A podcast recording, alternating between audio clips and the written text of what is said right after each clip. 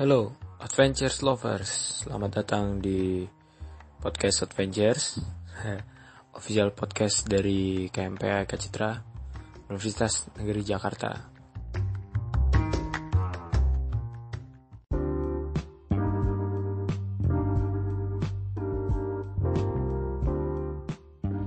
Oke, pada episode kali ini akan dipandu oleh saya, Rizky Setio Bawono. Biasanya sih dipanggil Tio gitu, dan akan memandu podcast seperti ini. Yang mana eh, narasumbernya adalah salah satu abang yang ganteng gitu ya. Ya, guys ya. Eh, nama lengkapnya adalah Bagas Aditya Putra, Sarjana Pendidikan. Oh iya. Ini kalau perlu CV-nya dibacain satu-satu nih sama saya udah di oh gue udah dibacain juga nih guys. Apa udah ditulis juga. Hmm. satu CV-nya ya kan? Gak usah lah, oh tetap harus. SOP Ketua Eka Citra periode 2018 terus pernah jadi Komandan Pendidikan dan Latihan Dasar angkatan 35 oh iya. Doi juga eh, di Eka Citra itu angkatan 32 ya? Tiga dua bener. angkatan 32 dan sekarang itu pada kepengurusan Eka Citra 2020 itu eh, menjabat sebagai pembina gitu. Oke. Mungkin eh, bisa say hello dulu ya Hello. pada pendengar nih. pada pendengar podcast Adventure. Yoi. Oh iya. Halo, salam kenal. Iya, nama gue Bagas. Gue jangan formal-formal banget kali ya, Bang. Iya. Bang apa Mas nih manggilnya nih? A. Atio ya. Jangan lah. Bang Tio aja lah, Bang Tio biar keren ya. Ya gue Bagas nih hari ini di interogasi Interogasi. interogasi sama Bang Tio dari pengurus 2020 ya Bang Tio ya Betul, betul. untuk ngisi podcastnya Eka Citra nih luar biasa rasa terharu cila Iya. rasa tersanjung. Luar biasa. Jadi di era sih di era pandemi COVID-19 ini kita tetap bisa berkegiatan ya nggak walaupun nggak ketemu langsung. Betul, betul. kita bisa ya salah satunya lewat podcast ini lah ya kan. Sedikit cerita juga dulu tuh gue sebelum masuk EC belum masuk Eka Citra itu tahun 2012 itu gue sempet ikut namanya ERA itu radio kampus UNJ Era FM ya. Era FM Educational Radio Educational FM betul. Nah itu karena prosesnya dia lebih maksudnya lebih singkat ya pendidikannya. Jadi gua jadi anggota era dulu nih Mas Tio Oh, sebelum jadi- jadi anggota EC betul. Oh yoi. Jadi dulu Jadi- tuh sebelum gua masuk EC gua anak era Betul, dulu. betul. betul. Iya iya. Itu yang namanya apa? Reggae Cup ya yang Hmm.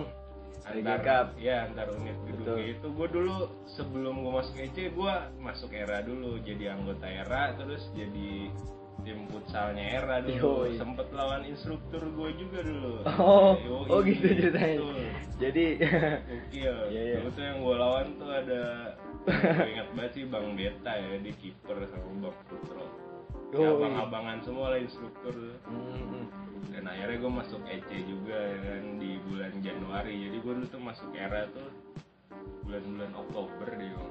Oktober. 2012. tapi udah masuk eh, lagi di jadi ya? siswa iya, Iya. betul lagi jadi siswa itu ya proses luar biasa jadi anggota muda tuh ya. ya sedikit lah cerita-cerita jadi Jadi- gue dulu sempet ya ngelawan instruktur tapi nggak ngelawan secara fisik Melalui ya. olahraga. Iya. Melalui olahraga. Iya, mantap keren gitu bang Tio Yoi.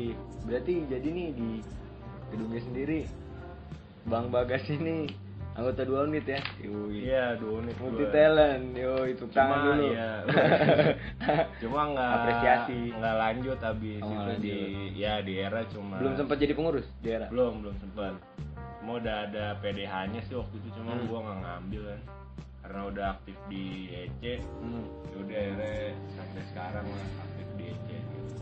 cuma masih nongkrong sama anak-anak era karena Iya. kebanyakan anak-anak era kan anak-anak Anak elektro juga betul. betul. Oke deh. Berarti eh, Bang Bagas nih kan tadi disebutkan sudah punya gelar sarjana pendidikan, berarti sudah menyelesaikan Betul, studinya ya di Universitas Negeri Jakarta, kampus tercinta. betul. Akhirnya Akhirnya akhirnya dan periode kuliahnya Oh, tercatat lumayan panjang ya. itu yang terpanjang ya nggak ada lagi kayak yang iya, ada panjang lagi. oh ada mungkin cuma nggak boleh disebutkan Oh betul betul. Hashtag yang pam-pam aja. Yoi. Jadi Iya. periode kuliahnya itu Bang Bagas 2012 sampai 2019 benar Berapa kali sih jadi pengurus guys? Di gue jadi pengurus tuh pertama kali tahun 2014 14 ya. 2014 itu gue jadi pengurus pas eh, ketuanya itu Bang Bagen atau Bang Bregas ya Bang Regas. ya itu pertama kali jadi pengurus. Uh-huh. sampai 2017 sampai 2017 pas pengurusannya Bang Slamet mau waktu itu gue sempet off dulu tuh benerin kuliah kan nah aktif Hmm. lagi baru 2018 2018 langsung jadi ketua. Yoi. Kedua, dijebak Gue ingat Jadi, banget tuh waktu gua masuk EC, ya gue ketemu lu tuh di papan. Yang udah eh bukan bukan baru pertama masuk, yang apa namanya? eh siswa eh apa? Anggota muda baru nih lagi Hmm. pada manjat, Hmm. ya kan, nongkrong. Terus gua ketemu lu kan di bawah. Yang gue tanyain, mau RTA tuh, hmm, lu nyalon gas? Bilang gitu kan. hmm, Ah, kagak gue mah berapa kali jadi pengurus. hmm. tak tahu jadi ketua ya Akhirnya itu kaget juga tuh Iya. cukup kaget jadi gua ketemu Eh. Bang Tio ini nih pemirsa pemirsa gitu. oh iya belum belum di Iya. ini ya kita tuh lu Belum ketemu dijelaskan tuh- ya. Sedikit melenceng nih Iya. oke nggak ketemu apa-apa itu di Hmm. pendidikan dasar, enggak pendidikan dasar sih di Sispala ya, Sispala Pasma SMA Sispala, 54 dulu tuh. Jadi gua kebetulan gua bukan anggota, cuma gua anak EC ya kan. Jadi ya bentar lagi diangkat anggota kehormatan Pasma lah bisa dimintain tolong ya kan terus akhirnya Hmm. ya deket lah ya tau-tau masuk WNJ lah terus masuk EC pula kan buat Iya. Bang Tio ini kan luar biasa lah akhirnya gua iya jadi iseng-iseng pas diksar ya.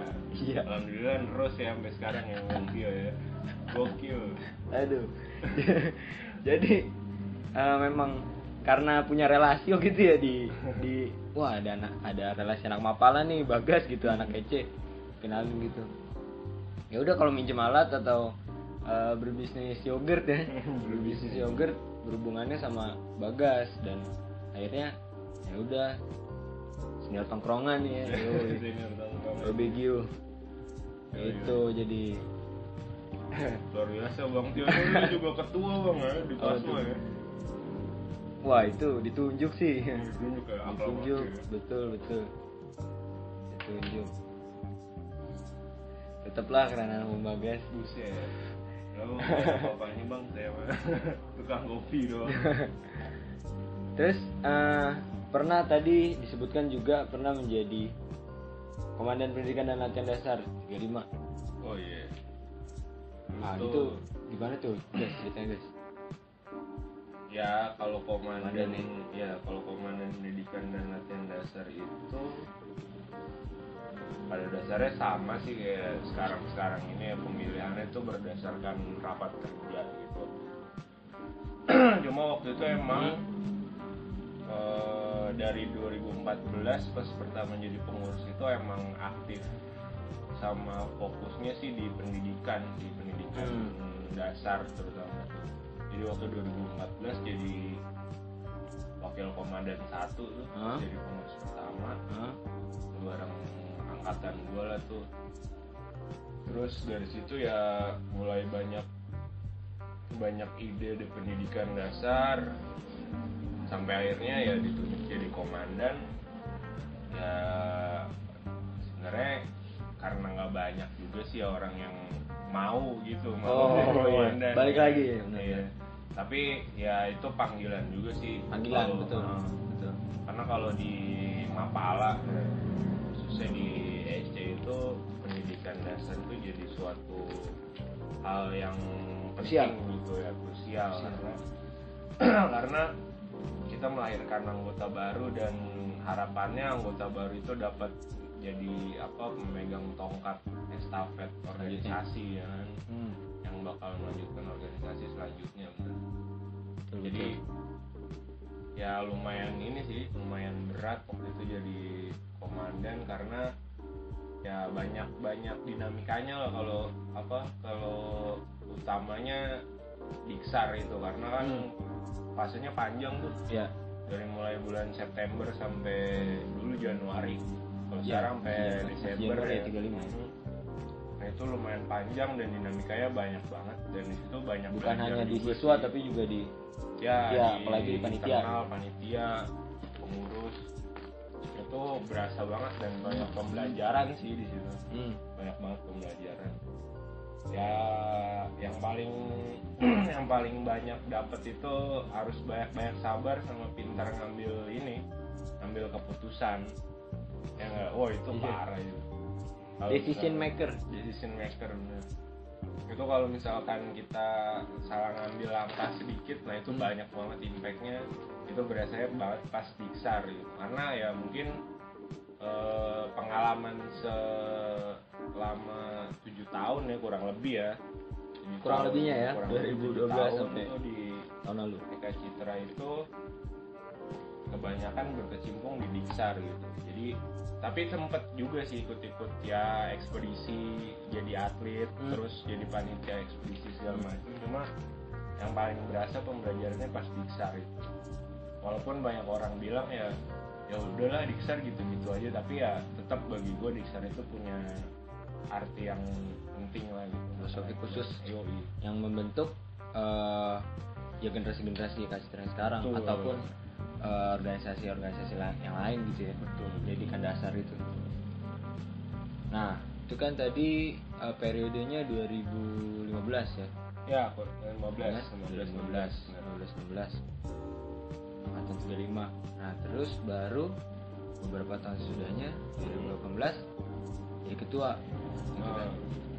nah itu dari 2015 sampai 2018 dan kemudian jadi ketua sampai selesai gitu. Hmm. selesai jadi ketua tuh udah selesai eh, tanggung jawabnya. itu apa? Eh, adakah yang ya pasti eh, hal yang dipertaruhkan lebih tinggi gitu kan Hmm. dan tanggung jawab lebih tinggi. Itu gimana? Rasanya gimana? Kemudian lu apa yang lu lakuin aja Hmm. nggak banyak sih sebenarnya ya itu yang tadi gue bilang banyak banyak problematika ya di luar kepengurusan di luar di, organisasi hmm. dan membuat kita harus mengambil keputusan oh ya gue harus off dulu gitu terus eh, yang paling apa yang paling berasa banget pas Hmm. gua setelah jadi komandan itu tuh jadi setelah jadi komandan Ah, 2000 masuk 2016 2016 ya, Iya. benar, 2016 tuh gua sempat jadi apa ya 2016 tuh Bang Firas ya Iya. Ah, 2015 Bang Firas dong Oh Bang Firas 2016, 2016 Mas 2016 Jo. Mas Jo nah itu gue diamanahkan diamanahkan Hmm. menjadi pemegang tanggung jawab untuk ekspedisi. Oh, iya, ya waktu itu ekspedisi ke Papua tuh. Muda ya? Ya siswa pemuda pertama. Nah 2016 itu pas banget lagi ada masalah yaitu utamanya kuliah terus banyak lah di luar apa di luar organisasi lah Hmm. gitu kan.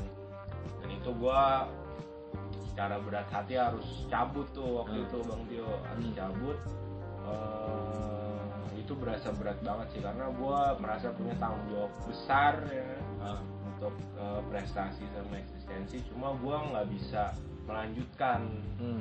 untuk sementara waktu. Jadinya Oh, oke oke. waktu itu gua ya gitulah secara organisasi gua nulis surat ke Pak Ketum ya kan. waktu itu Hmm. Bang Selamet. Bang Raharjo ya kan Mas Jo nulis surat. Dan akhirnya ya secara berat juga dia menerima gitu dan itu sampai dengan 2017 akhir gue baru Hmm. aktif-aktif lagi gitu jadi kuliah udah lumayan aman nih Lumayan. tambah banyak SKS-nya Hmm. SKS terus udah siap skripsi ya kan. dan waktu itu ya itulah berarti memang nih eh, apa namanya peserta sidang saat itu memahami gitu Iya, luar biasa. bahwa saudara bagas ini sebenarnya eh, itu juga nggak nyangka tuh bang Tio tuh bisa jadi ketua Enggak, iya gitu. karena posisinya Ogut juga nggak nggak ngikut RTA lu kan. Ah, yang waktu lu terpilih itu. Itu jadi dapat kabar aja. itu tuh gua. Nggak ya nggak nyangka lah. Hmm. gitu lah nah berarti di situ lu eh, dapat apa namanya ngerasa di posisi ini gak sih? Pertaruhan gak sih? Ketika ketika lu dicalonin Hmm. iya kan nah lu eh, pasti ngerasa dong apa ada kemungkinan eh, sekian persen untuk gue terpilih gitu Hmm. tapi ada juga kemungkinan sekian persen untuk gue tidak terpilih Hmm. gitu nah itu gimana ya kalau itu gua nggak ambil pusing sih maksudnya gua udah ngamanin pernah ya. ngerasa ada di kayak jembatan mungkin ya Hmm. kalau dianalogikan ke kanan misalnya lu kepilih itu jadi ketua nanti kan lu udah tau lah gambarannya Hmm. bakalan gini gini gini harus lebih fokus sama organisasi gitu kemudian kalau misalnya ke kiri ke jembatan menyelesaikan studi ya kan Hmm. oh ya udah gue bisa eh, mungkin setelah lulus terus eh, kerjaan apa segala macem bangun karir rumah tangga mungkin Buset. Enggak, enggak, enggak sejauh itu. Oh, belum. Oh, itu ya Sorry, sorry, karena, sorry. karena gua ya itu udah menye, apa bukan menyelesaikan sih, maksudnya Hmm. udah eh, apa namanya? Ya sedih sebagian besar udah terselesaikan, makanya Ah. gua berani kembali lagi gitu terus eh, nggak nggak ambil pusing sih waktu itu. nggak terlalu ambil pusing ya? Hmm. berarti eh, bener kayak yang lu bilang tadi lu ada lu punya eh, filosofi ya itu tadi kalau memang udah panggilan Iya. Salah lu yakin itu. dengan hal itu berarti Hmm, panggilan dan gue berani karena gue udah aman. Hmm, hmm. berarti logika dan kecintaan terhadap organisasi organisasi tetap seimbang ya Hmm. Baik. Dan itu sih kalau misalkan kita jadi mahasiswa, utamanya di UNJ gitu ya, ya pasti lu udah punya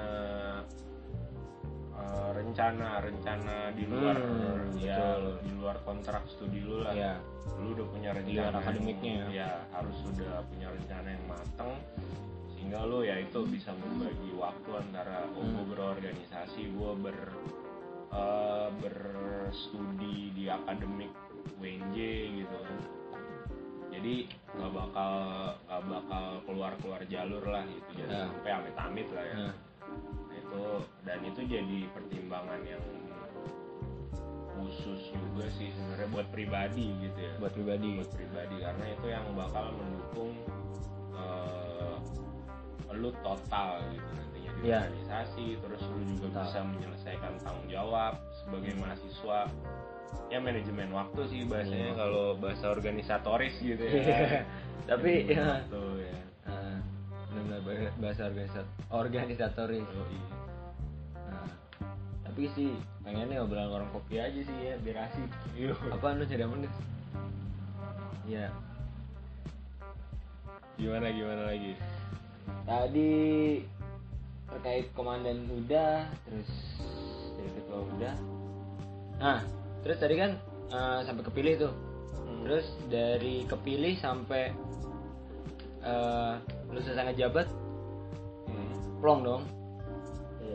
Masa plong dan eh, seberapa besar lu kayak ngukur peningkatan gue itu? Ada gak sih? Peningkatan kalau di gua kalau buat gue pribadi gitu ya. Iya buat lu pribadi nih kalau buat gue pribadi itu lebih kepada menimbang skala prioritas. Gimana skala Iya. prioritas kalau pas nanti mungkin bang Tio ngerasain nih kalau ntar jadi ketua ya Wah. tahun depan meeting nggak tahu juga nggak tahu nih Ya. iya itu ntar bakal ngerasain yang namanya eh, bingung Bingung. bingung dalam artian ini kita sebagai pemegang tanggung jawab bakal banyak banget eh, keputusan-keputusan sulit yang harus diambil gitu kan. ya Eh, nah itu kita dan bakal apa membutuhkan reaksi cepat gitu nah betul cepat dan tepat gitu kan. Dan itu kita bakal banyak belajar yang namanya prioritas gitu. Ya. prioritas prioritas itu yang harus diutamakan yang harus nggak diutamakan gitu yang gawat darurat yang gawat tidak darurat Ya. yang darurat tidak gawat nah itu itu banyak belajar banget pas jadi ketua dan setelah jadi ketua yang gua rasain sih itu sih jadi dan itu kepake banget semua yang gue belajar di organisasi itu pas gua eh, berhadapan dengan yang namanya birokrasi kampus ya Nah itu Oh, birokrasi kampus, betul. ya Nah itu gue setelah jadi ketua itu kan 2018 ya 2018. Waktu studi gue tuh kurang lebih satu semester lagi setelah jadi ketua itu sisanya ah, Hmm. Jadi 2019 sampai September itu hmm. Nah itu dengan eh, yang udah gue dapetin ilmu gue di Eka Citra, di organisasi segala macem, eh, terutama untuk masalah regulasi itu Ya. itu bakal bikin lu bukan bikin lu tegang gitu bang. Hmm. Jadi dengan dengan ilmu yang lu punya itu tuh lu bakal ya berasa aman sih gitu. karena Gua- udah pernah ada di situ gitu Ah. Udah pernah di situasi yang itu mungkin lebih dulu ya. malah, sebelumnya eh, mungkin lebih ya karena kita kan tinggi. berhadapannya dengan yang mungkin pejabat-pejabat kampus gitu Iya. kalau yang sekarang kan lagi misalkan menghadapi skripsi atau ngurus ke fakultas ya bisa kuliah kuliah tingkat akhir itu kan Hmm. itu lu bakal bakal ya ternyata gini doang gitu loh. Iya. ternyata nggak sesulit yang mungkin teman-teman sekelas lu atau teman-teman junior lu dulu kan gue udah angkatan akhir kan jadi Iya. banyak kan barengan junior gitu Iya. junior gue ngeluh ini itu ini itu tapi kalau gue sih merasanya oh itu doang gitu Ah. biasa aja dan alhamdulillah dengan ya pengetahuan tentang regulasi Hmm. tentang peraturan kampus Hmm. dan segala macam itu mempermudah kita nantinya Hmm. Jadi, Pengalaman. mm, jadi banyak banget bro yang bener bener gue serius nggak bohong nih. Banyak banget yang bakal kita dapat kalau kita berorganisasi gitu Utamanya- apa pun itu ya. Ah, apa pun itu. Utamanya ya kita tahu struktural kampus itu Nah. penting banget tuh. Jadi ya dari celah-celah Hmm. ya enggak jadi ini ini jangan ditiru nih kalau bisa sih ya lulus 4 tahun 4 setengah tahun lah ya kan dengan skill atau ilmu kebidangan yang lu punya gitu kan tapi kalau gua dengan waktu yang gue punya ya gue manfaatkan dan gue belajar akhirnya gue bisa lulus Hmm. walaupun ya nggak bagus-bagus banget skripsi gue Iya. tapi gue bangga, gitu Bangga. gue Hasil tangan sendiri dan- udah pernah belajar di organisasi dan kepake tersebut, banget ya. di kuliah gitu sih bang Tio kurang lebih kalau setelah ya sampai sampai lulus gitu ya setelah Hmm. jadi ketua gitu Hmm. sekarang nyantai banget dulu gue cuy Iya. gue sidang skripsi tuh ah, gimana ya sidang skripsi tuh teman-teman gue pada sampai nangis nangis junior gue ya junior Iya. gue sampai nangis nangis gitu. terus yang setelah itu gue foto-foto gue biasa aja gitu Hmm. Udah, oh gini doang deh Hmm. tahu karena sudah terlatih di sidang pembaraan ya Iya pengembaraan Ah. lebih parah sih itu pengembaraan Itu pengembaraan angkatan tekanan tinggi. kolaps gitu ya kan gila itu. Tekanan tinggi. Nah dan tadi lu nyebut eh, karena waktu di pengurusan 2018 itu kan juga gua eh, udah jadi anggota gitu ya. Hmm. anggota muda. Yang mana eh, diurus oleh apa namanya? Nah ini guys? Tadi gua kasih lu di sini tadi oh sorry.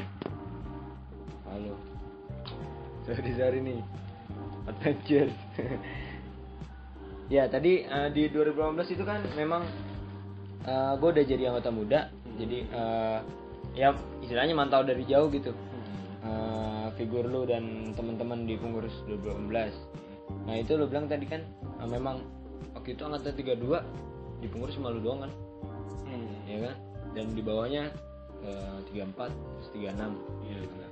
Terus gue yang 37 itu eh, gimana sih? Kan tadi ada masalah tuh pasti perbedaan perbedaan yang misalnya yang junior lebih rasa wah yang gini-gini susah. Ketika lu dihadapin sama masalah itu ya karena lu udah eh, nafas lebih duluan istilahnya ya Iya. kan? ya udah tahu. Nah itu lu ngakal-ngakalinnya gimana ngakal-ngakalin sih enggak sebenarnya. Ya bukan ngakal-ngakalin Eh, sih.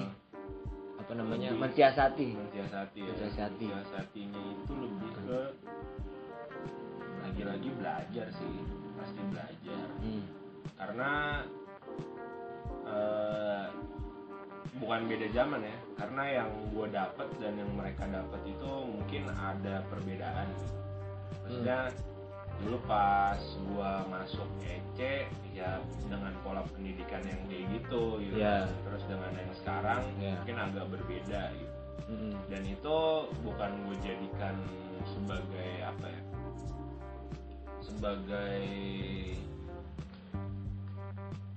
bukan gue jadikan sebagai bumerang buat mereka sendiri gitu maksud Iya. gue eh, walaupun kita beda pendidikan maksudnya beda pola pendidikan dan mungkin kerasnya agak beda gitu ya tapi gimana caranya tujuan Eka Citra tujuan organisasi atau pengurus saat itu tuh tercapai Capai. gitu ya nggak bisa lah gue maksain Hmm. oh kita harus kayak gini kita harus Hmm. kayak gitu Hmm.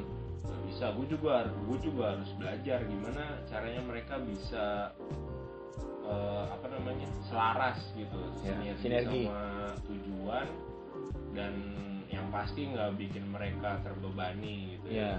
nah itu Jadi menjalankannya dengan enjoy. mm, nah itu memang gue agak sedikit kalau gue emang pribadi gue agak sedikit lunak gitu maksudnya gue nggak pernah marah gitu ya dalam Wah, siapa? ya kalau sedikit sedikit itu Oh iya iya. ya kan. Siap siap siap. Doang Acting doang. Heeh. Gimik. Gimik. Bagas raja. Woi. Siap, tapi siap.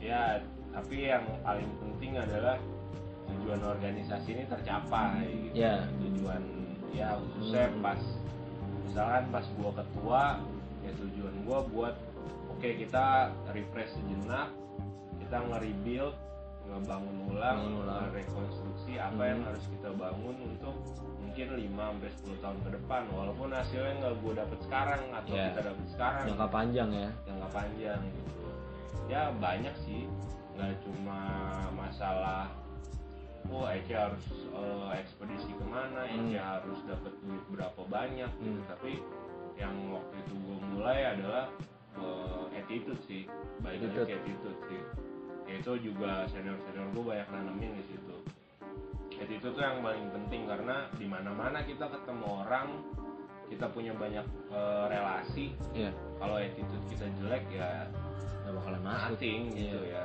nggak nggak bakal apa aja. gitu Hmm. tapi kalau attitude lu udah dari sekarang eh, dibangun bagus lu ke mana aja bakal diterima Iya. dan bakal punya apa jejak bagus lah Iya. legacy Mau sekedar ngomong sama uh, pedagang di pasar atau Yes, sampai betul. pejabat tinggi. Betul betul. gitu. Asisten deputi kementerian mana gitu. Itu bisa masuk aja. Walaupun ya attitude gue juga Iya. banget gitu. Kan ya. baik lagi tadi dikenalin di All Rebel. Iya, iya, iya. Kayak gitu sih yo iya iya. Lebih. Berarti lu uh, setuju dengan uh, misalnya ada satu pernyataan adaptasi itu mutlak di organisasi atau di manusia. Hmm. di hal yang lebih gue setuju kalau adaptasi. Nah. Karena tanpa adaptasi ya lu mati pasti. Iya. Eh ya bisa bisa apa namanya bisa dilihat aja sekarang gitu. Eh, utamanya pas pandemi covid Iya, ini benar. bener kan? Semua lapisan. semua lapisan itu banyak yang eh, ya bisa bisa dibilang banyak yang apa ya stuck gitu stagnan ya. Diam di tempat tapi dengan modal yang lu punya sebagai anak EC atau mapala gitu kan atau anak organisasi ya lu bisa survive. Ya dan survive. tetap bisa bisa apa namanya selar bisa menyalurkan banyak lah. Terutama yang berbidang sosial dan pecinta alaman gitu. Hmm. Ya salah satunya mungkin Ece sekarang ikut apa namanya posko ya. Iya. posko posko gitu. Dulu juga gua ngalamin pas Ketika ada bencana. Oh, ketika ada bencana 2018 gitu, itu itu luar biasa kan. Palu ya? bertubi-tubi ya, Palu dan Lombok itu Palu dan Lombok. Itu nggak bikin kita mati tapi kita bikin nah ini nih yang paling penting nih. Itu Hmm. kita bikin yang namanya tantangan sebagai peluang Tantangan sebagai peluang. tantangan sebagai peluang nggak cuma peluang mungkin kita sebagai organisatoris bisa dikenal seba atau sebagai organisasi bisa dikenal gitu Hmm. sama orang-orang banyak tapi kita juga bisa eh, apa ya mengaplikasikan atau menginisiasikan pecinta alam itu kita kalau lagi posisinya kayak gini kita sebagai apa gitu Hmm. Nah itu Ya. itu berasa banget Posisi apa yang bisa Jadi nggak kontribusi apa yang bisa diberikan. kita berikan gitu Iya.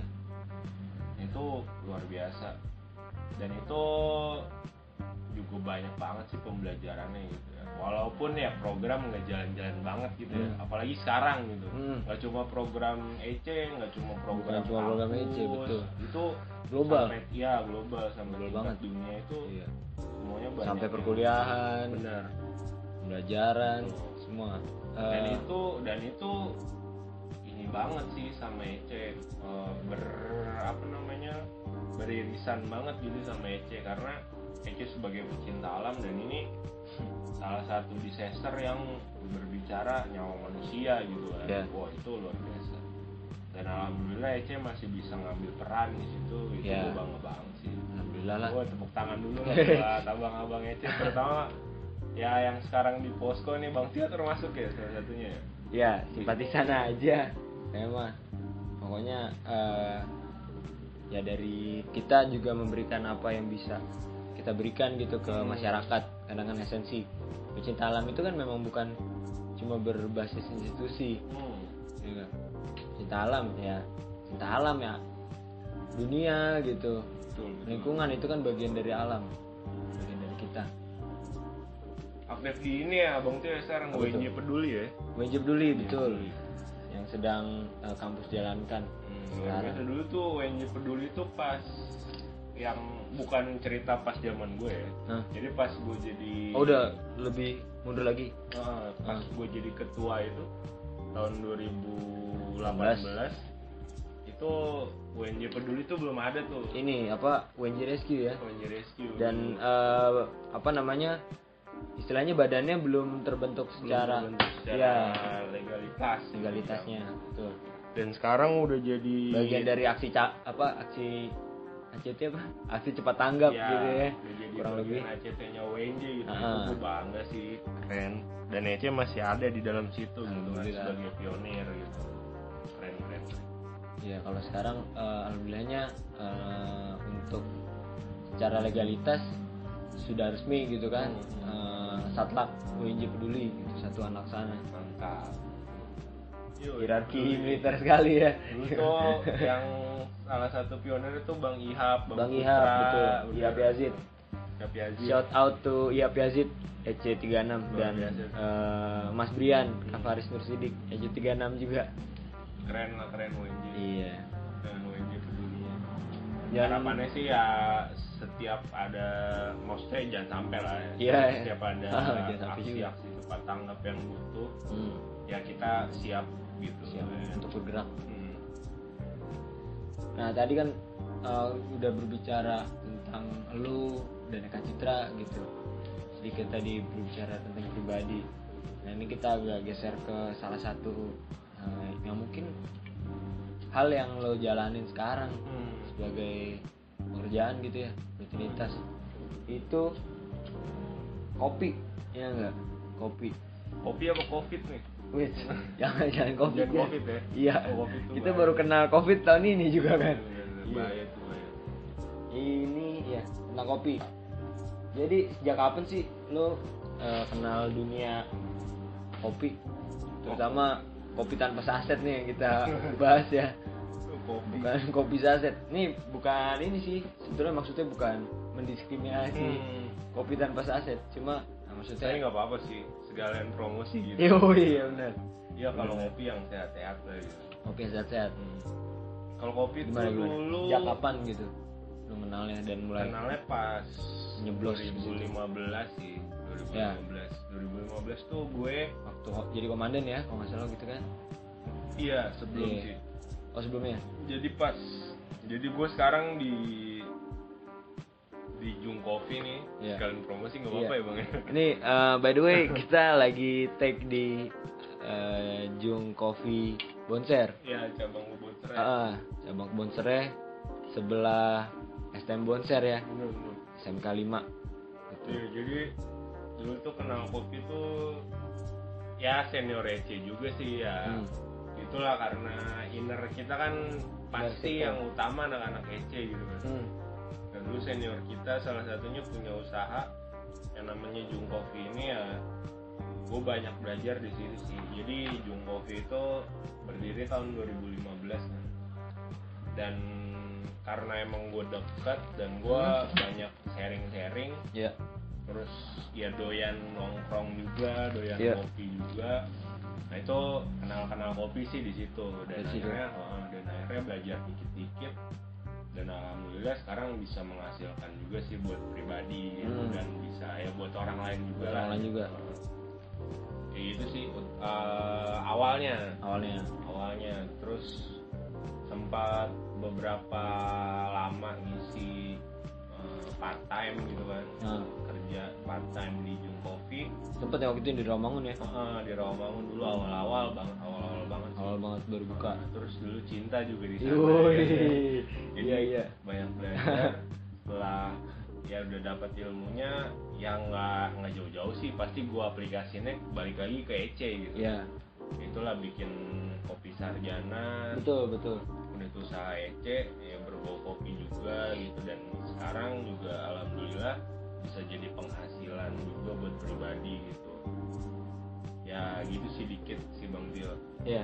banyak walaupun belum jago-jago banget gitu ya kopi tapi- enak-enak banget gitu Boleh lah kalau misalnya eh, meragukan ya Hmm. hasil racikan barista Bagas mungkin bisa langsung mampir aja ke sini ya. bisa bisa Ah, bisa langsung Ditunggu. mampir dan eh, rasakan gitu sensasinya maksudnya. jangan ntar Iya. kapok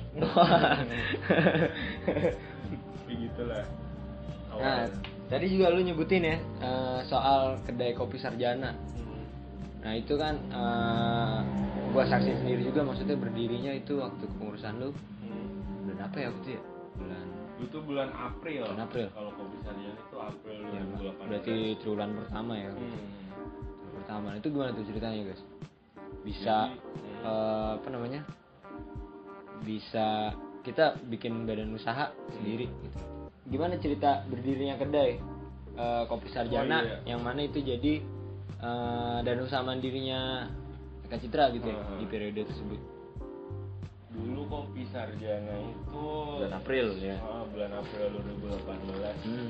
jadi eh, apa namanya ya berawal dari kebutuhan ya gitu Iya. kebutuhan dulu tuh pengen banget bikin punya ya inilah punya usaha yang ada pemasukan lah buat pribadi justru dulunya Iya. pengen buat pribadi gitu pribadi nyari-nyari lahan di kampus dan mahal gitu dapet cuma mahal terus Ah. eh, banyak penuhnya dulu tuh pengen bikin di Warbun Oh ya di ya Warbun. Warbun Ya. Cuma setelah lobby lobby lobby lobby nggak dapet Karena? Sempat karena penuh katanya Hmm, udah ada. Mm-mm. Nggak ada yang kosong lah. Nggak ada yang kosong. kosong. Setelah itu eh, kebetulan Kopma atau Koperasi Mahasiswa itu nawarin kerjasama lah, Iya. kerjasama kerjasama gitu. Kerjasama. Dia nawarin, oh dia diarahin sama pembinanya, coba eh, konsultasi tuh ke EC ya nggak, Eh, bikin kedai atau kedai kopi gitu ya. Dia berarti hampir punya ide yang mirip gitu ya Hmm. sama kita. Dan dia emang dapat tugas dari inkubasi bisnisnya dia. Oh, buat bikin eh, yang berbau project seperti itu. hmm, restoran dan alhamdulillah banget gitu kan dapet jalan jadi dia nawarin cocok gitu sama aja bikin kedai gitu gitu nah itu nggak lama sih waktu itu ingat banget gue jangkanya sebulan gitu Maret waktu itu Hmm.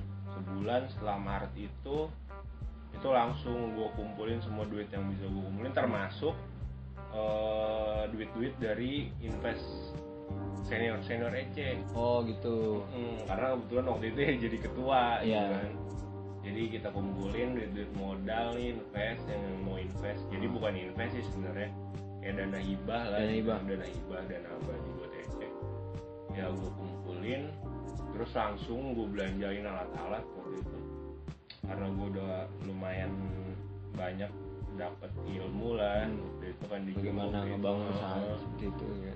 belanjain tempat udah ada waktu Tempat itu udah ada. tempat Di udah ada. Gedung P ya? di gedung P PWNJ tempat udah ada terus nggak bayar listrik nggak bayar air udahlah gua nggak ambil banyak pertimbangan Sikat. sikat tapi udah bener, udah ada perencanaannya Ya. ya udah ada perencanaannya gue sikat dan alhamdulillah bulan April tuh udah berdiri tuh kopi sarjana itu jadi kita join sama kopi sarjana Hmm. Ah, sama sorry sama koperasi mahasiswa waktu itu wah itu walaupun dengan seadanya tempat dan peralatan gitu Iya. ya itu eh, alhamdulillah bisa berjalan sampai dengan sekarang Sampai sekarang. Yoi Keren lah kopi sarjana Oh sekarang manajernya Bang Putra Iya betul. Putra. Sudah Hmm. perpindahan apa namanya pengurusan ya. Hmm. Perpindahan manajemen. Lumayan Bang Manajemen. Putra tuh waktu itu pas zamannya Bang Nugrus jadi ketua Jadiin manajer operasional unit bisnis kopi sarjana itu lah ya. Hmm. Ya, Alhamdulillah sekarang ya luar biasa sih. Ya itu mungkin sekarang udah berapa ya jangka waktu dua tahun ya? Dua tahun. Udah udah dua tahun. udah dua tahun. Dua tahun sekarang nih. walaupun belum kelihatan besar nih kopi sarjana tapi gue punya apa ya gue punya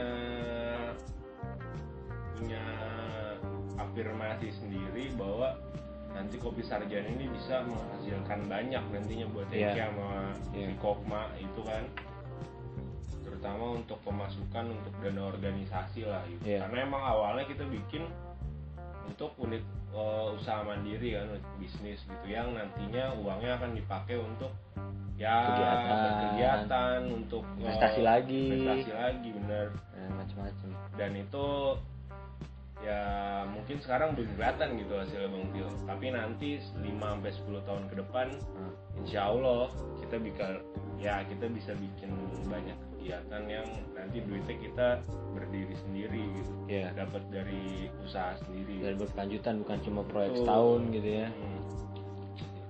settle dan apa namanya akhirnya bukan cuma kita belajar dapat duit tapi Hmm, belajar manajemen manajemennya juga gitu di apa namanya di dunia yang real gitu lapangan yang real kan. Bener. bukan cuma mainan di organisasi misalnya. Berarti kan eh, itu sebenarnya kebutuhan uang untuk kebutuhan dana untuk kegiatan itu kan selalu jadi masalah. Iya. Yang ada di mau organisasi mau apa pun lah ya Hmm. organisasi gitu. Masih ketemu. Dan beberapa teman-teman juga ada yang uh, suka uh, sharing gitu yang teman-teman yang beda organisasi suka sharing gimana sih kalau dari lu misalnya untuk uh, pendanaan gini gini gini nah berarti lu setuju kan juga dengan dana usaha mandiri itu yang model kayak gini ya jangka panjang Hmm. apa pun bentuknya itu sebagai eh, salah satu cara untuk mendanai kegiatan selain eh, Dana kampus. dana kampus dari kementerian Hmm. dan kalau gitu apa aja sih trik-triknya gitu trik-trik Iya. kalau trik-trik mah banyak punya yang pertama banyak berdoa Banyak berdoa. pasti ya Benar. banyak berdoa Ketuhanan yang Maha Esa sila pertama kan soalnya.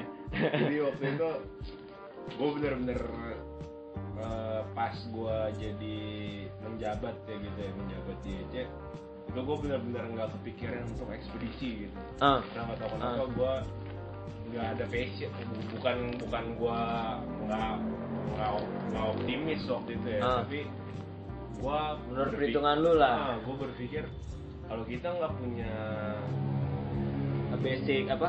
Eh, ini fondasi. Fondasi. Kalau kita nggak punya fondasi keuangan finansial gitu Iya. kita bakalan pincang. Pincang dan gitu-gitu aja gitu ya. Iya.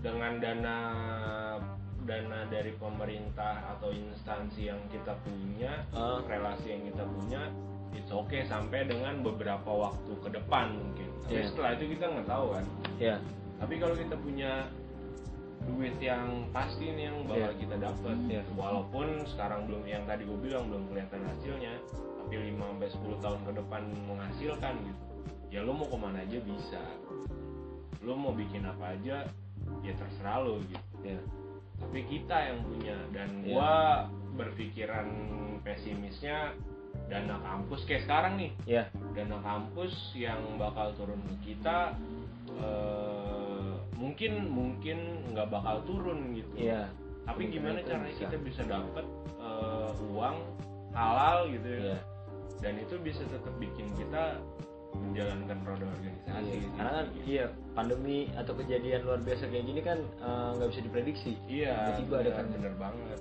Kalau misalnya ya kalau tiba-tiba nanti ya amit-amit Amit-amit. gitu ya kan. WR 3 nya berantem gitu sama EC gitu kan. Terus kita nggak dapat duit dari POK organisasi. Iya, nggak dapet POK. kampus hmm, ya. Pok dipotong atau apa segala macam kita udah punya backup gitu loh. Hmm. Dan alhamdulillah ya walaupun belum banyak sekarang udah ada sih. Ada. Ada terus. Ada terus. Eh, kalau misalnya kayak tadi tuh eh, apa namanya udah berbicara dana pok Hmm. yang eh, kita kita bikin dana usaha mandiri nih buat ngebentengin dari eh, misalnya kejadian-kejadian kayak gitu. Hmm. kemudian kalau misalnya eh, lu yakin mau ngejalanin pola model seperti itu? Hmm. eh, ini kan udah banyak banget ya. Misalnya kedai kopi Hmm. di luar di dalam. Bahkan di dalam kampus waktu berdiri kopi sarjana juga Iya, ada ya. akhirnya, akhirnya banyak. Ah, akhirnya banyak. muncul beberapa. juga ya, beberapa. Muncul. Nah itu eh, gimana sih waktu itu bisa stand out Hmm. dan selama 2018 19 20 Hmm. gue ngeliatnya eh, apa namanya pemasukan kedai secara eh, customer itu ya meningkat gitu Hmm. dan banyak orang-orang yang eh, dia lagi dia lagi gitu Iya, dapat iya. dapat pelanggan tetap nah itu gimana guys kalau itu berbicara masalah itu kan sebenarnya restoran kecil gitu ya. Restoran penyedia penyedia berbicara masalah hospitality. Hospitality itu yang ya utamanya sih keramahan sih. Dan alhamdulillah karena itu di bawahnya si Eka Citra itu sendiri Iya. gitu, dia punya ya punya attitude yang bagus gitu dalam Hmm. hal pelayanan. Ya Iya. ini gue sedikit cerita ya. Ya jadi monggo monggo. dulu tuh banyak banyak belajar DC itu untuk masalah tetek bengek yang kecil-kecil gitu Hmm. ya oh, yang teknis banget ya ya teknis banget ya lagi kegiatan banyak senior datang gimana caranya kita ngejamu ya terus melayani eh, senior yang datang Hmm. gitu kita apa men- memenuhi lah memenuhi Iya. permintaan mereka apa ini itu ini itu gitu. mereka dan kita terapkan nih di yang bagus itu di eh, unit bisnis kita gitu Hmm. apalagi bisnisnya eh, restoran hospitality ya itu berasa banget Iya, gitu berasa banget. berasa banget dan itu membuat kesan yang bagus lah buat customer gitu Iya. makanya kita punya beberapa pelanggan tetap kan di kopi sarjana ini ya mereka ya di samping kualitas ya Iya. ya mereka balik karena kita ramah gitu ke mereka Hmm. ramah dan pelayanannya bagus bersih segala macam nah itu sih yang bikin yang bikin orang balik lagi gitu ya Bikin orang baik lagi sampai tetap. waktu itu ya gua masih punya apa sih akun Instagram gitu kan Ah. Instagram kopi sarjana itu ada beberapa orang lah nge DM Instagram gitu kan Hmm. itu orangnya jauh cuy di Medan Medan apa Iya. jauh gitu dia nge DM sampai wah ini kopi sarjana ini luar biasa punya kenangan sendiri gitu, Oh. gitu. Pak Oke. saat dia PPG gitu di oh di gitu Jakarta, di ceritanya UNJ. jadi dia waktu uh, Hmm. PPG mampir bolak balik sarjana ya. sambil ngerjain Luar biasa itu. dia yoi ya itu kalau ya. gue pribadi sih jadi wah gila punya Relasi baru. iya relasi Kawan baru. orang jauh lagi Iya. gitu. itu Jadi, fungsi kedai itu jadi sosial hub juga ya Hmm, benar. Iya. relasi bicara relasi penting banget ya relasi penting banget nah itu dulu kopi sarjana itu nggak bakal kebangun kalau nggak ada yang namanya relasi hmm. Karena yang tadi lu bilang tuh yang dana Hmm. dan segala macem Hmm. kita punya relasi sama uh, unit koperasi mahasiswa gitu kan benar relasi dan ya good legacy lah peninggalan yang bagus gitu ya Jadi kita tinggalin kesan yang baik ke orang dan orang bakal balik lagi ke kita gitu. Hmm. Ya. Terus eh, bergeser lagi nih, Hmm. bergeser lagi tadi soal kopi gitu kan. Dan hubungannya tadi kan di relasi ya, yang ngiket tuh, yang ngiket lu bisa eh, kenal orang dari jauh, bisa punya pelanggan tetap gitu.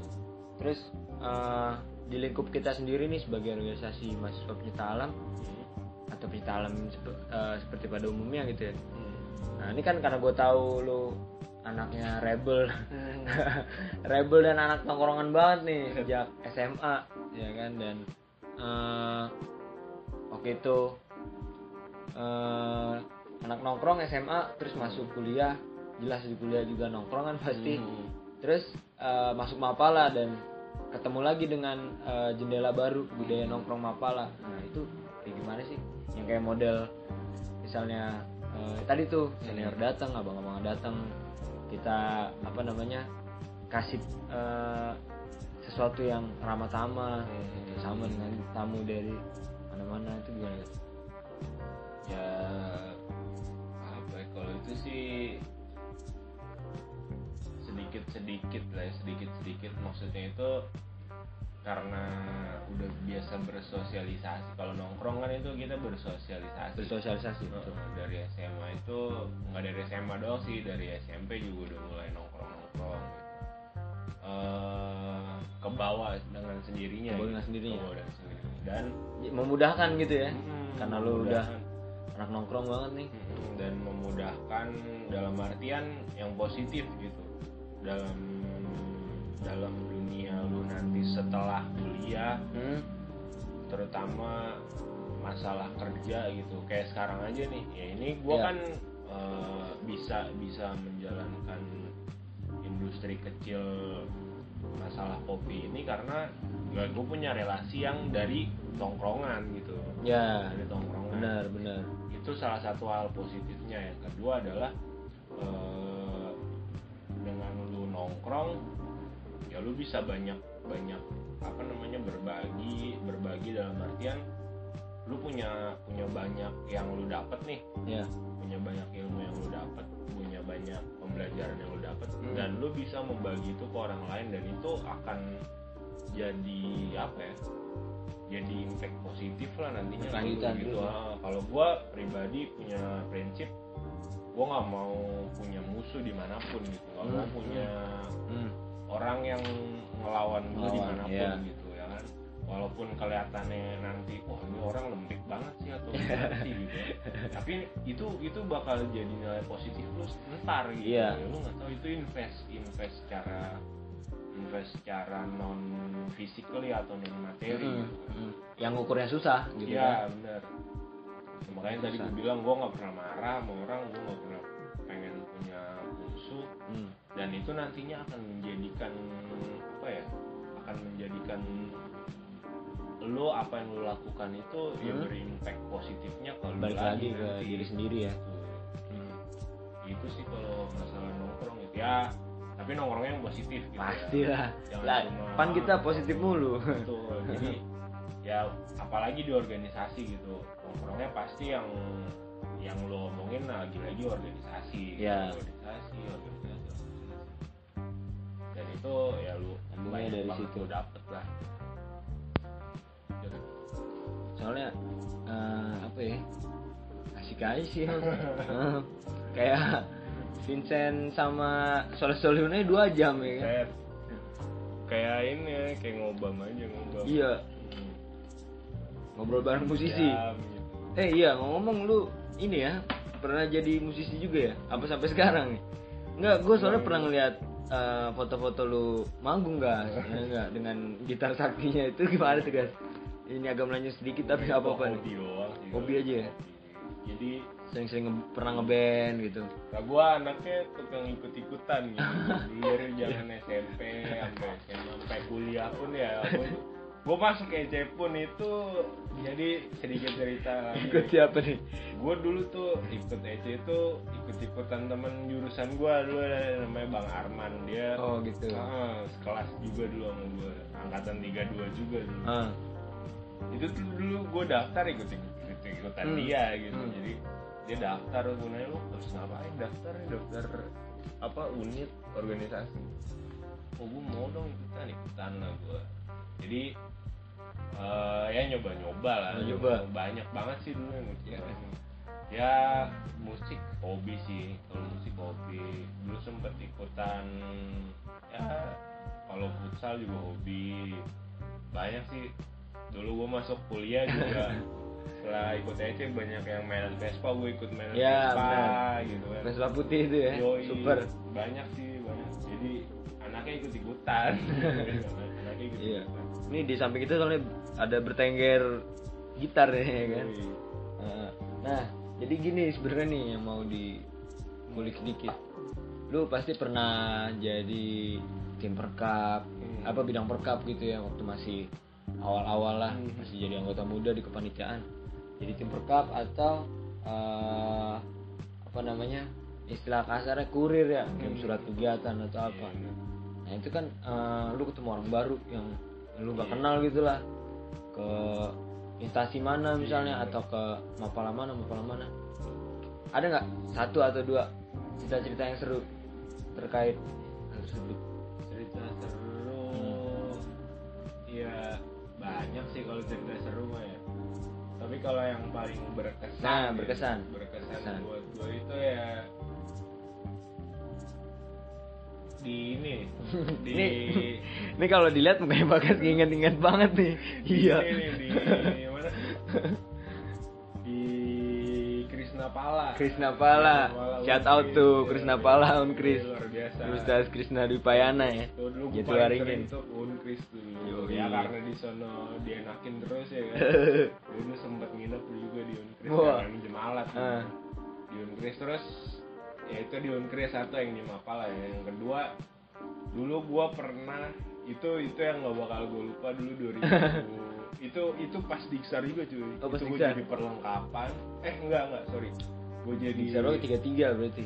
Ya Diksar 33 tiga tiga Gue jadi tiga tiga empat gue jadi tim sebenarnya gue panitia bidang transportasi ya Iya. perizinan akomodasi ya hmm. tapi gue punya tugas lebih gitu kan Hmm. jadi tim perlengkapan tambahan gitu yo iya. dan gue minjem minjem alat lah ya Ah. salah satu itu mengajukan diri sebagai kurir Nggak Iya, mengajukan siap. oh nggak tugaskan waktu tugaskan itu. tugaskan oh kirain mau nyari Heeh.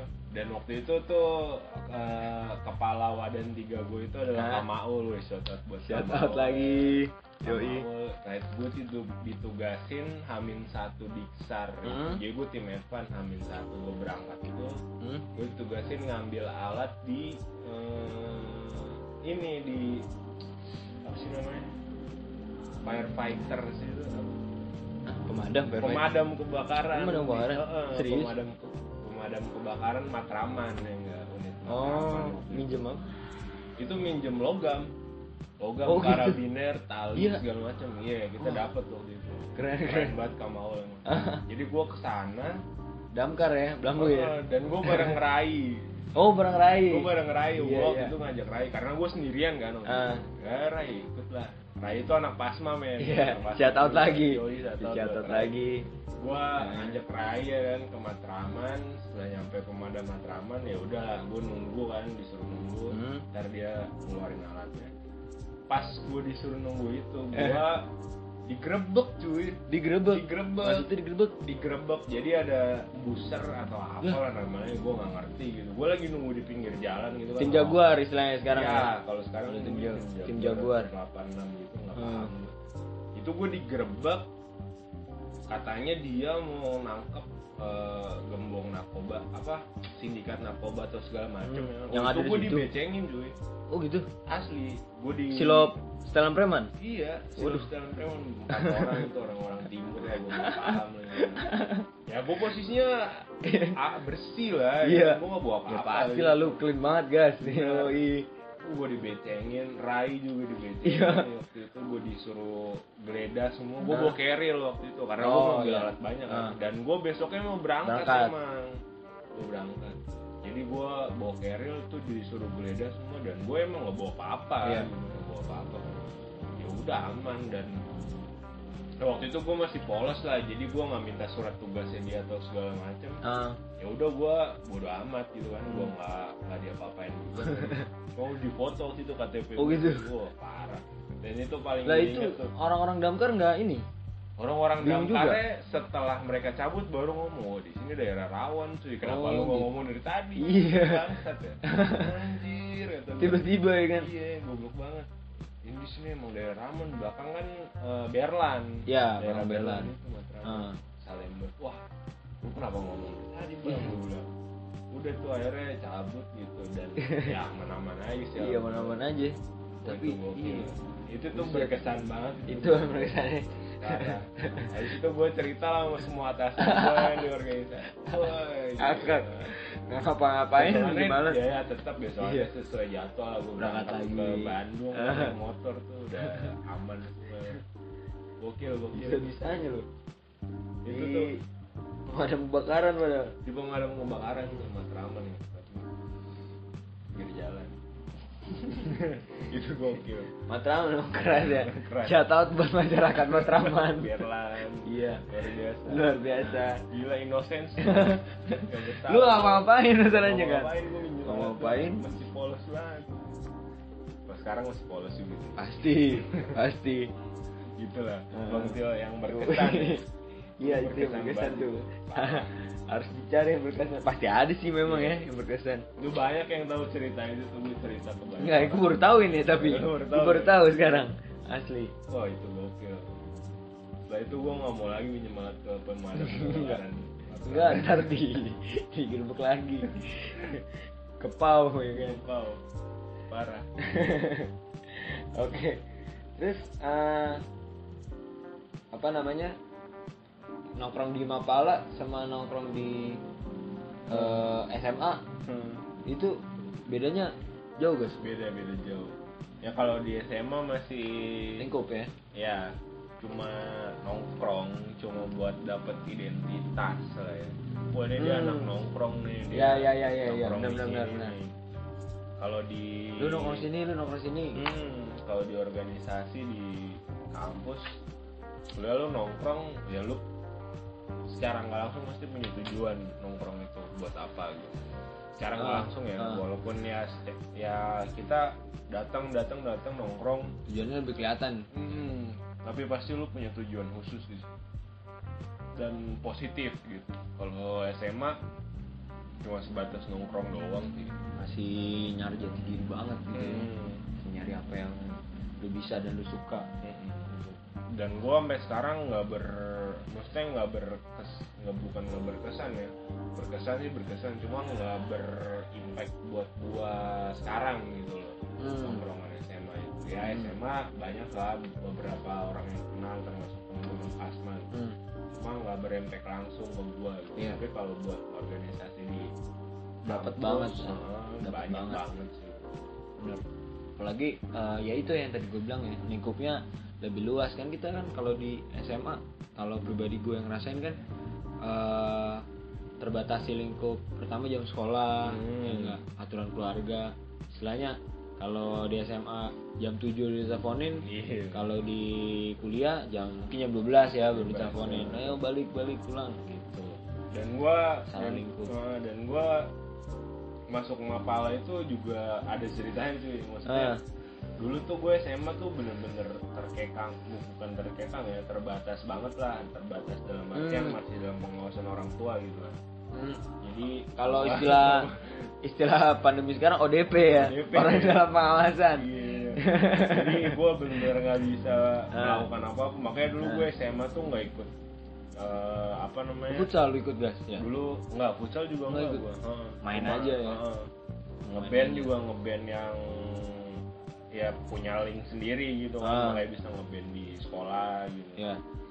Kalau untuk masalah organisasi gue Ah. terbatas banget. Makanya di kampus itu eh, banyak yang bisa dieksplorasi dan Ah. ini dan dapat kebebasan gitu lah Hmm. dalam artian udah dicap dewasa lah Ya. jadi Melangkah ke satu gerbang yang baru lagi. nah gitu jadi dulu di EC itu benar-benar wah jalan-jalan mulu Jalan-jalan mulu. sih Nah, itulah yang yang punya punya motivasi sendiri gitu Ah. di EC itu ketemu orang bukan cuma yang satu kelas lu doang ya. Hmm.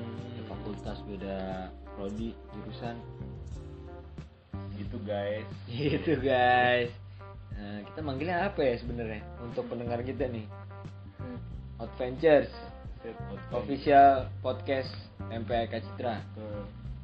Tapi sekarang jangan out-out dulu lah ya. apa? Oh iya. Pokoknya stay home. iya. Ah, bener. juga- jangan out out dulu bener. Bisa sesuai anjuran pemerintah. Bener. nih kita sebenarnya eh apa duduknya jauh banget ini. Ada kali 3 meteran ya guys ya? Meter. Ah, sampai ngomongnya harus teriak-teriakan. Hmm. ya biar kedengaran. Jadi walaupun kita apa namanya eh, take podcast untuk episode 3 ini eh, kita tetap menerapkan apa namanya anjuran untuk stay home dan social distancing ya social Ah, sesuai SOP physical distancing. Betul. makanya kenapa kita apa namanya ngobrol-ngobrol supaya bisa didengar dan insya Allahnya kalau misalnya ada yang bisa diambil gitu kan Ah. dari obrolan warung kopi ini Warung kopi bener. insya Allah bermanfaat iya kita ngobrol warung kopi nah terus eh, relasi kolaborasi jadi di apa namanya di era sekarang yang disebut 4.0 Hmm. gitu kemudian ada Internet of Things Hmm. gitu nah terus ada apa namanya eh, sesuatu yang eh, jadi patokan-patokan yang eh, harus dijalankan atau udah wajib dijalankan sama insan-insan penerus di era ini gitu Hmm. yaitu tadi tuh eh, kolaborasi dan waktu itu gue pernah dengar juga berkarakter gitu nah eh, gimana sih pandangan lu mengenai hal tersebut kolaborasi di era milenial Kolaborasi di era mil- milenial.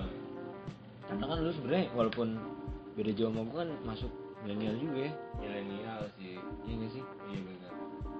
Milenial kalau menurut gua banyak hal positif dan sebe apa ya sebanding juga dengan hal negatifnya karena eh, dengan impact sosial digital ini, maksudnya yang era digital ini itu kita jadi semuanya serba gampang gitu. Serba gampang serba gampang dan membuat orang jadi konsumtif gitu. Konsumtif? Konsumtif hmm ya gue banyak gue banyak Konsumtif, banget ya. ngeliat di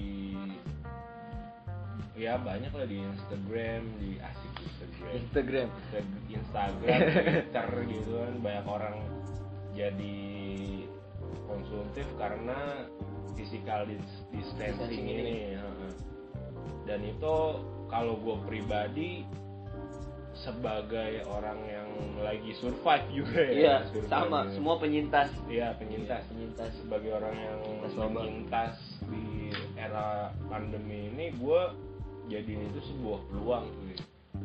Karena eh, ya gitulah ya semua berbaik berba, apa berbalik lagi ke kita mengenai kebutuhan. Gitu.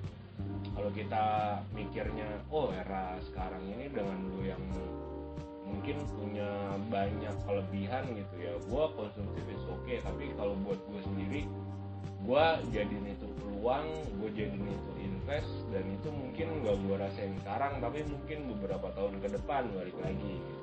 karena invest kan. Itu sih kalau gue mikirnya. Dan di era digitalisasi dan 4.0 sekarang mungkin kalau kata toxicity 7.0 gitu. 7.0 Iya, ya. Itu lo bisa melakukan apa pun, melakukan apa pun dengan eh, bermodalkan laptop atau smartphone gitu ya. Tapi balik lagi, lo melakukannya itu untuk diri lo menghasilkan lagi atau untuk diri lo mengkonsumsi lagi. hmm, dibalikin kembali Heeh, kayak gitu. pilihan masing-masing asli gua kalau gua ya kalau gua orangnya nggak pernah belanja banget sih gitu Maksudnya gua belanja pun kalau emang yang gua bener-bener butuh gitu kalau emang gua nggak butuh-butuh banget gua enggak tapi kalau untuk jualan ya gua bikin terus iya Bikin prioritas terus. Prioritas. karena kan itu memang yang lu jalanin Hmm. gitu jadi jualan yang primer hal yang primer Hmm. saat ini jadi itu gitu kan ya, kalau buat jualan kita nggak bisa optimal banget di offline kayak gini lagi zaman covid ya nggak Hmm. corona ya udah gue bikin GrabFood GoFood eh, lebih optimal gitu Iya. atau mungkin promo-promo Iya. lain nah gitu itu yang yang eh, dibilang jadi era kayak gini apalagi lagi ada pandemi seperti ini ya kolaborasi sih intinya Kolaborasi. kalau memang lu dengan jualan sendiri nggak bisa Oke, karena ada ini ya lu kolaborasi dengan apa namanya mitra-mitra yang lain gitu kan unit usaha yang lain misalnya udah bukan zamannya sikut-sikutan ya enggak tapi gue bukan apa. bukan bukan memandang negatif ya buat teman-teman yang belanja online gitu it's okay itu Iya, mempermudah iya dan itu juga ya impact positif juga buat teman-teman atau buat perusahaan yang berbasis 4.0 atau online Hmm, gitu ya. platform-platform Ya. startup gitu ya Hmm. jadi ya seimbang sih nah tadi berbicara Instagram nih ada satu pertanyaan yang keluar jalur sebenarnya. Waduh. Eh, lu punya Instagram apa enggak sih guys karena tahu gua tuh ada ada, Ada. sih ada. bagas 0329 ya kan? Cuma oh kalau di searching masih ada ya enggak nggak tahu gua gua juga lupa. Tapi eh, kelihatannya lu jarang ngepost foto atau gimana? Ada dulu. Walaupun ada kayaknya bukan lu yang post ya kan iya kan? sekarang kayaknya nggak tahu deh. Lalu main. Ada Instagram enggak nih sekarang? Main. Main. Tapi tapi bukan akun pribadi? Tapi bukan akun pribadi Akun- toko. Akun toko. warung Hmm. yang kopi.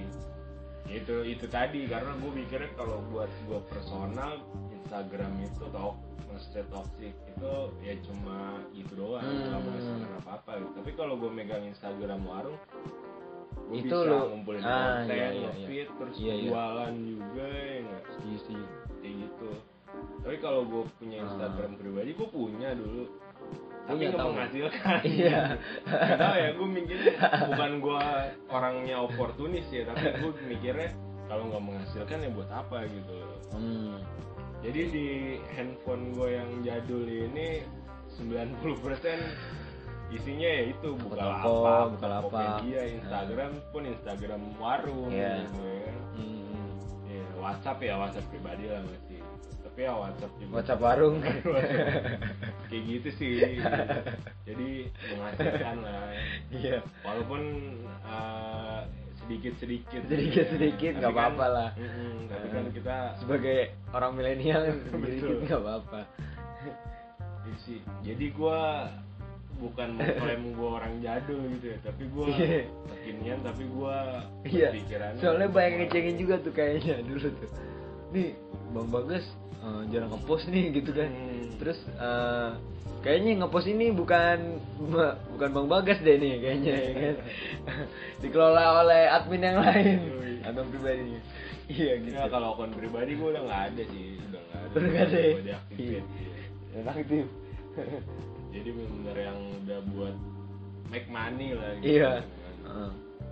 apa lu itu orangnya memang nggak suka terlalu terekspos sedikit ya atau misalnya eh, lu bukan model orang yang eh, kan Instagram tuh eh, bisa jadi satu media yang apa namanya eh, lu memamerkan bukan bukan mereka ya lu Hmm.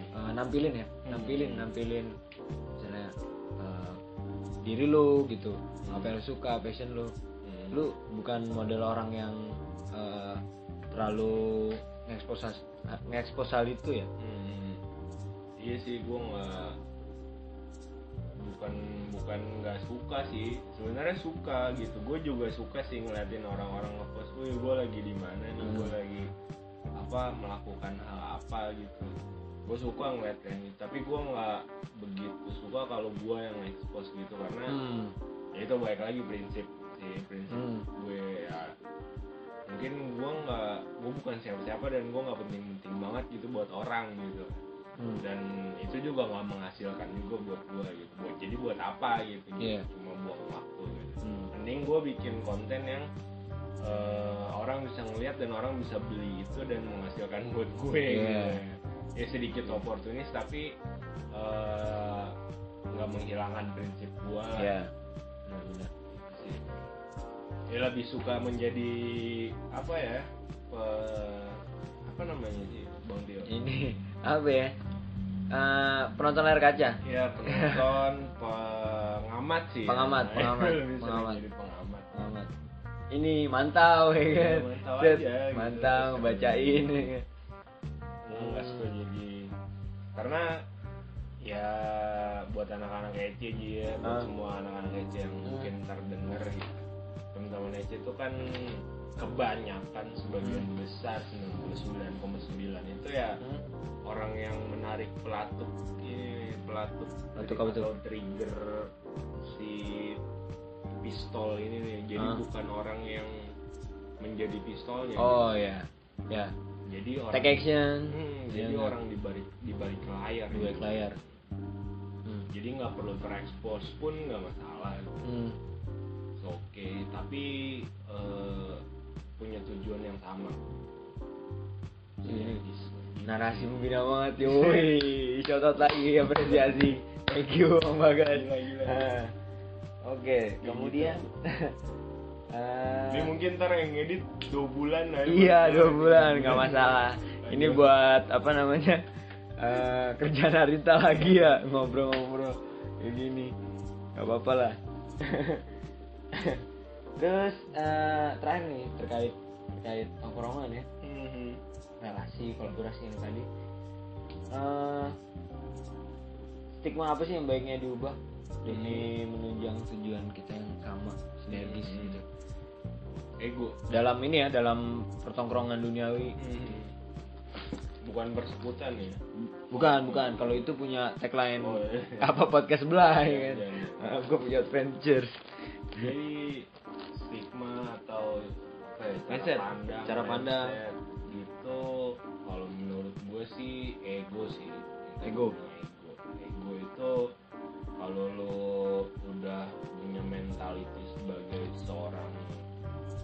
ya kita kan bahasnya organisasi ya. Hmm. kalau lu punya mentality sebagai orang organisasi Hmm. dan lu paham dengan tujuan organisasi semua yang lu lakuin tuh nanti bakal terarah ke sana gitu dan nggak nggak nggak bakal apa ya nggak bakal meng- membesarkan ego lu sebagai pribadi dibanding dengan organisasi gitu tapi eh, kelebihannya adalah kita organisasi bukan organisasi yang profit gitu ya non profit Organisasi yang- organization organisasi yang sosial ya jadi apa pun yang lo lakukan dengan tujuan organisasi dan itu pasti nanti bakal ya minimal jadi pahala lah buat lo sendiri ya gitu jadi ya. pahala terus Ya, jadi soft skill dan hard skill Betul.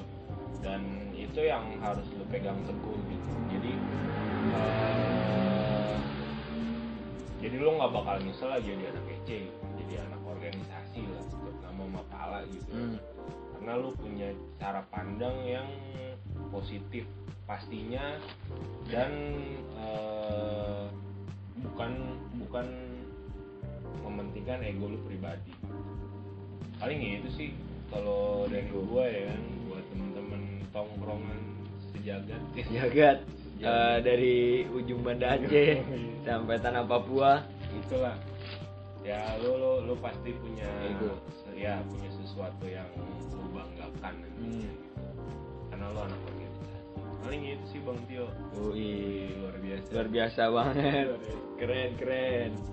jadi semua di bawah pengawasan orang tua di bawah orang tua tetap. nanti lulus ya Ah, benar. Di bawah Apa seperti Rahim Ibu ya? Yoi, lagu dari efek rumah kaca siapa tahu tuh efek rumah kaca Eh, semoga Mas Kolil dengerin ini ya kan?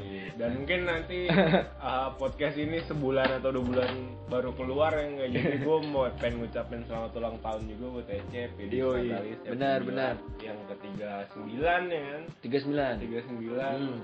biasa jangan lupa dengerin nanti gue bikin kalau jadi ya Hah? kalau jadi bikin uh, backsound backsound gitulah Hmm. hmm. Mereka Citra dan semoga Oh tadi tuh ya, yoi. yang tadi ngulik-ngulik tadi tuh ya, Yoi. ngulik gitar. bersama Bang Wahyu Mas Fajar.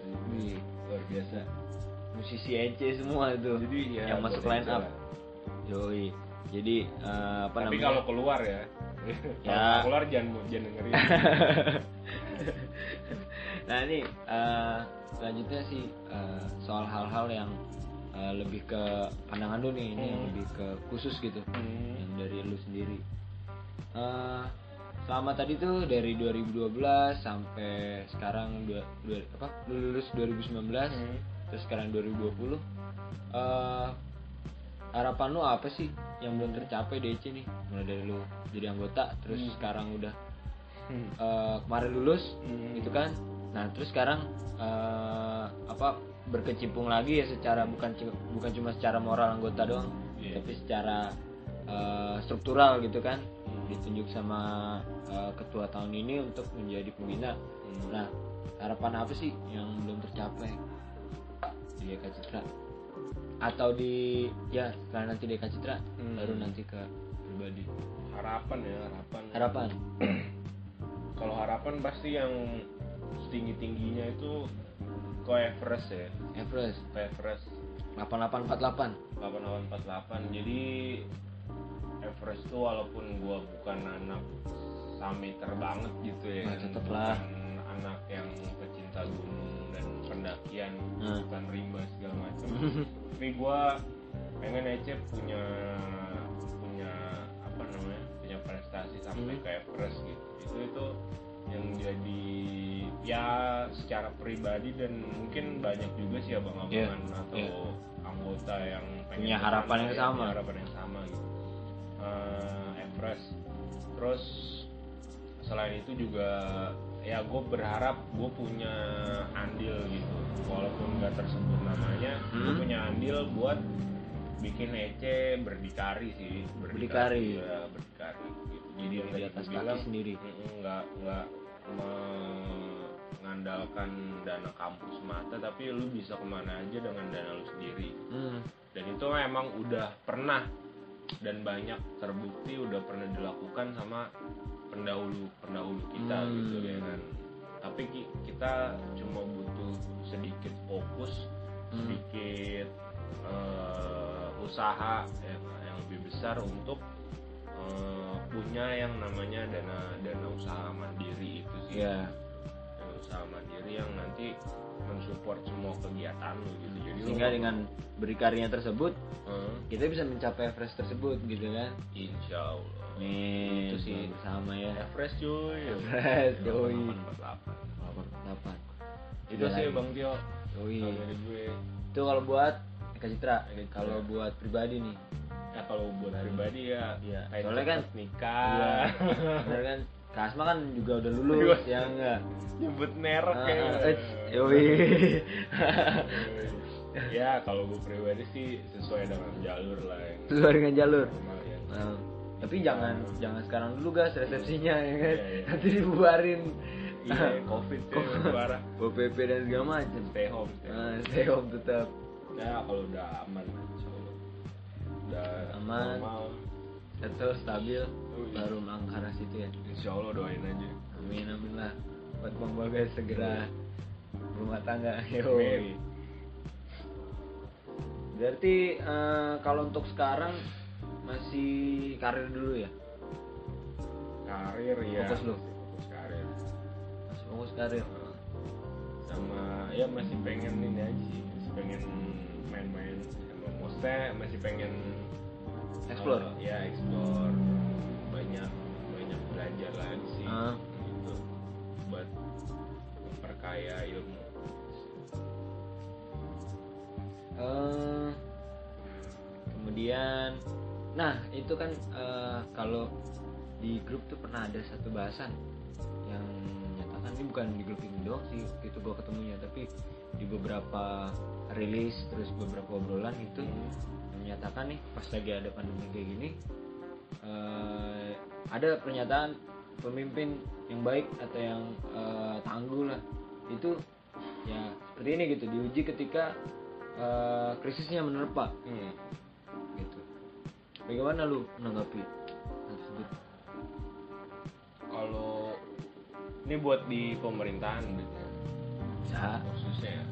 Ya kalau buat pemerintahan gue orangnya nggak nggak- bukan bukan orang yang fokus banget di politik gitu hmm. tapi gue yang gue yang gue apa namanya yang gue ambil dari covid eh, pandemi covid 19 ini ya kita harus banyak belajar buat lebih ini sih ya lebih bijak sih ya lebih bijak ya lebih Hmm. bijak dalam segala hal gitu.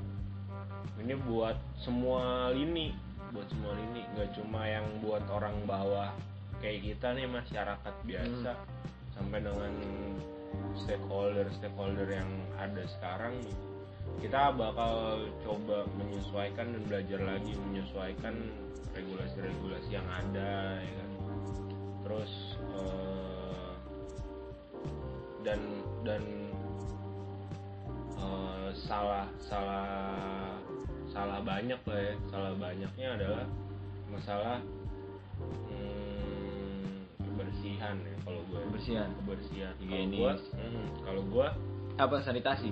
Sanitasi. Kalau gue sih sebelum covid ini ada gitu ya bukan bukan bukan pamer ya bukan Hmm. pria ya. Hmm.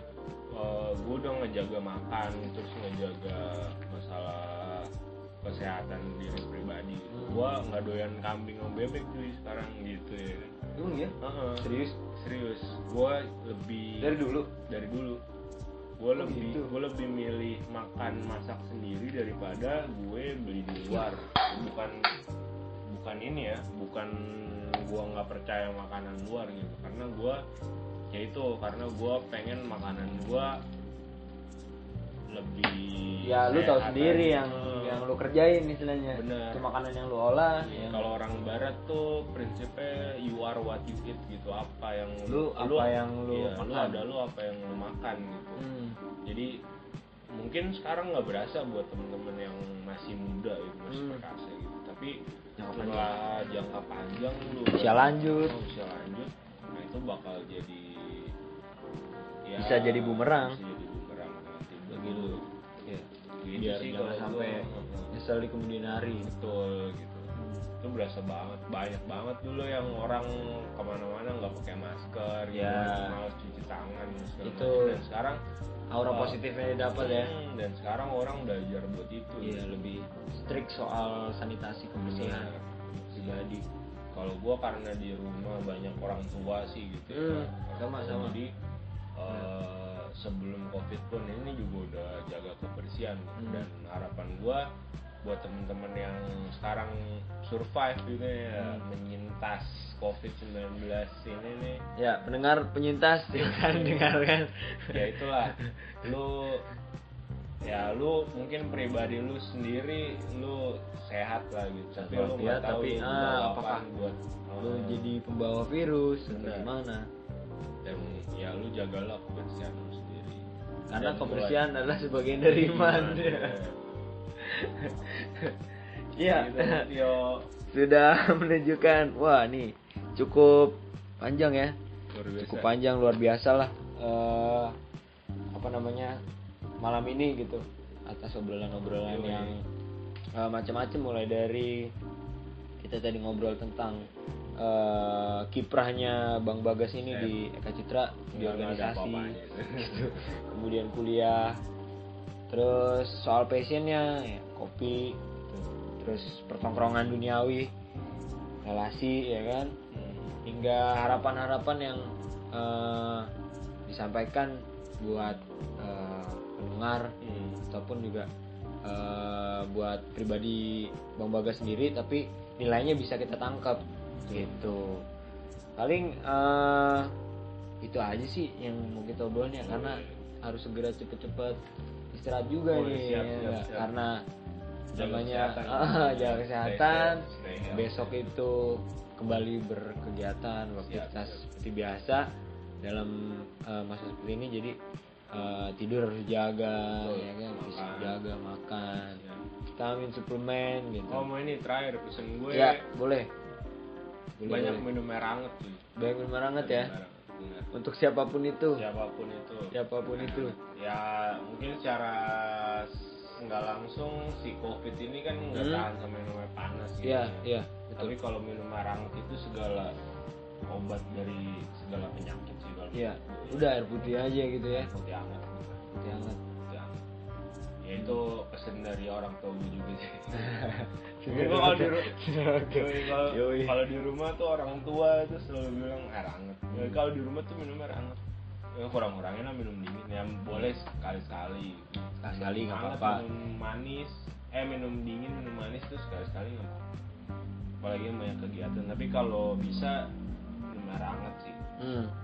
Parah sih. Coach. Itu aja. Yoi, itu aja Ya. eh salam-salam lagi mungkin untuk orang-orang tersayang sini enggak? Oh iya sorry sorry. Nanti eh, tukang editnya bingung. Eh, Semangat. ya. paling itu aja sih eh, untuk episode kali ini ya. Eh, teman-teman pendengar adventures. Eh gua Tio balik lagi eh, menutup dengan kata hamdalah ya mungkin ya. alhamdulillah Eh, gitu aja selamat pagi sore malam Yoi. untuk eh, teman-teman pendengar assalamualaikum warahmatullahi wabarakatuh Waalaikumsalam. Salam. Arinta sabar ya. Ini satu jam berapa nih? Tiga empat. Tiga empat. Oke, kalau teman-teman suka untuk dengerinnya bisa didengerin di beberapa platform seperti Akor FM dan Spotify. Nah, setelah itu jangan lupa follow dan di-share ke sosial media kalian. Postingan waktu kalian nonton. Oke. Gitu yuk. Cabut.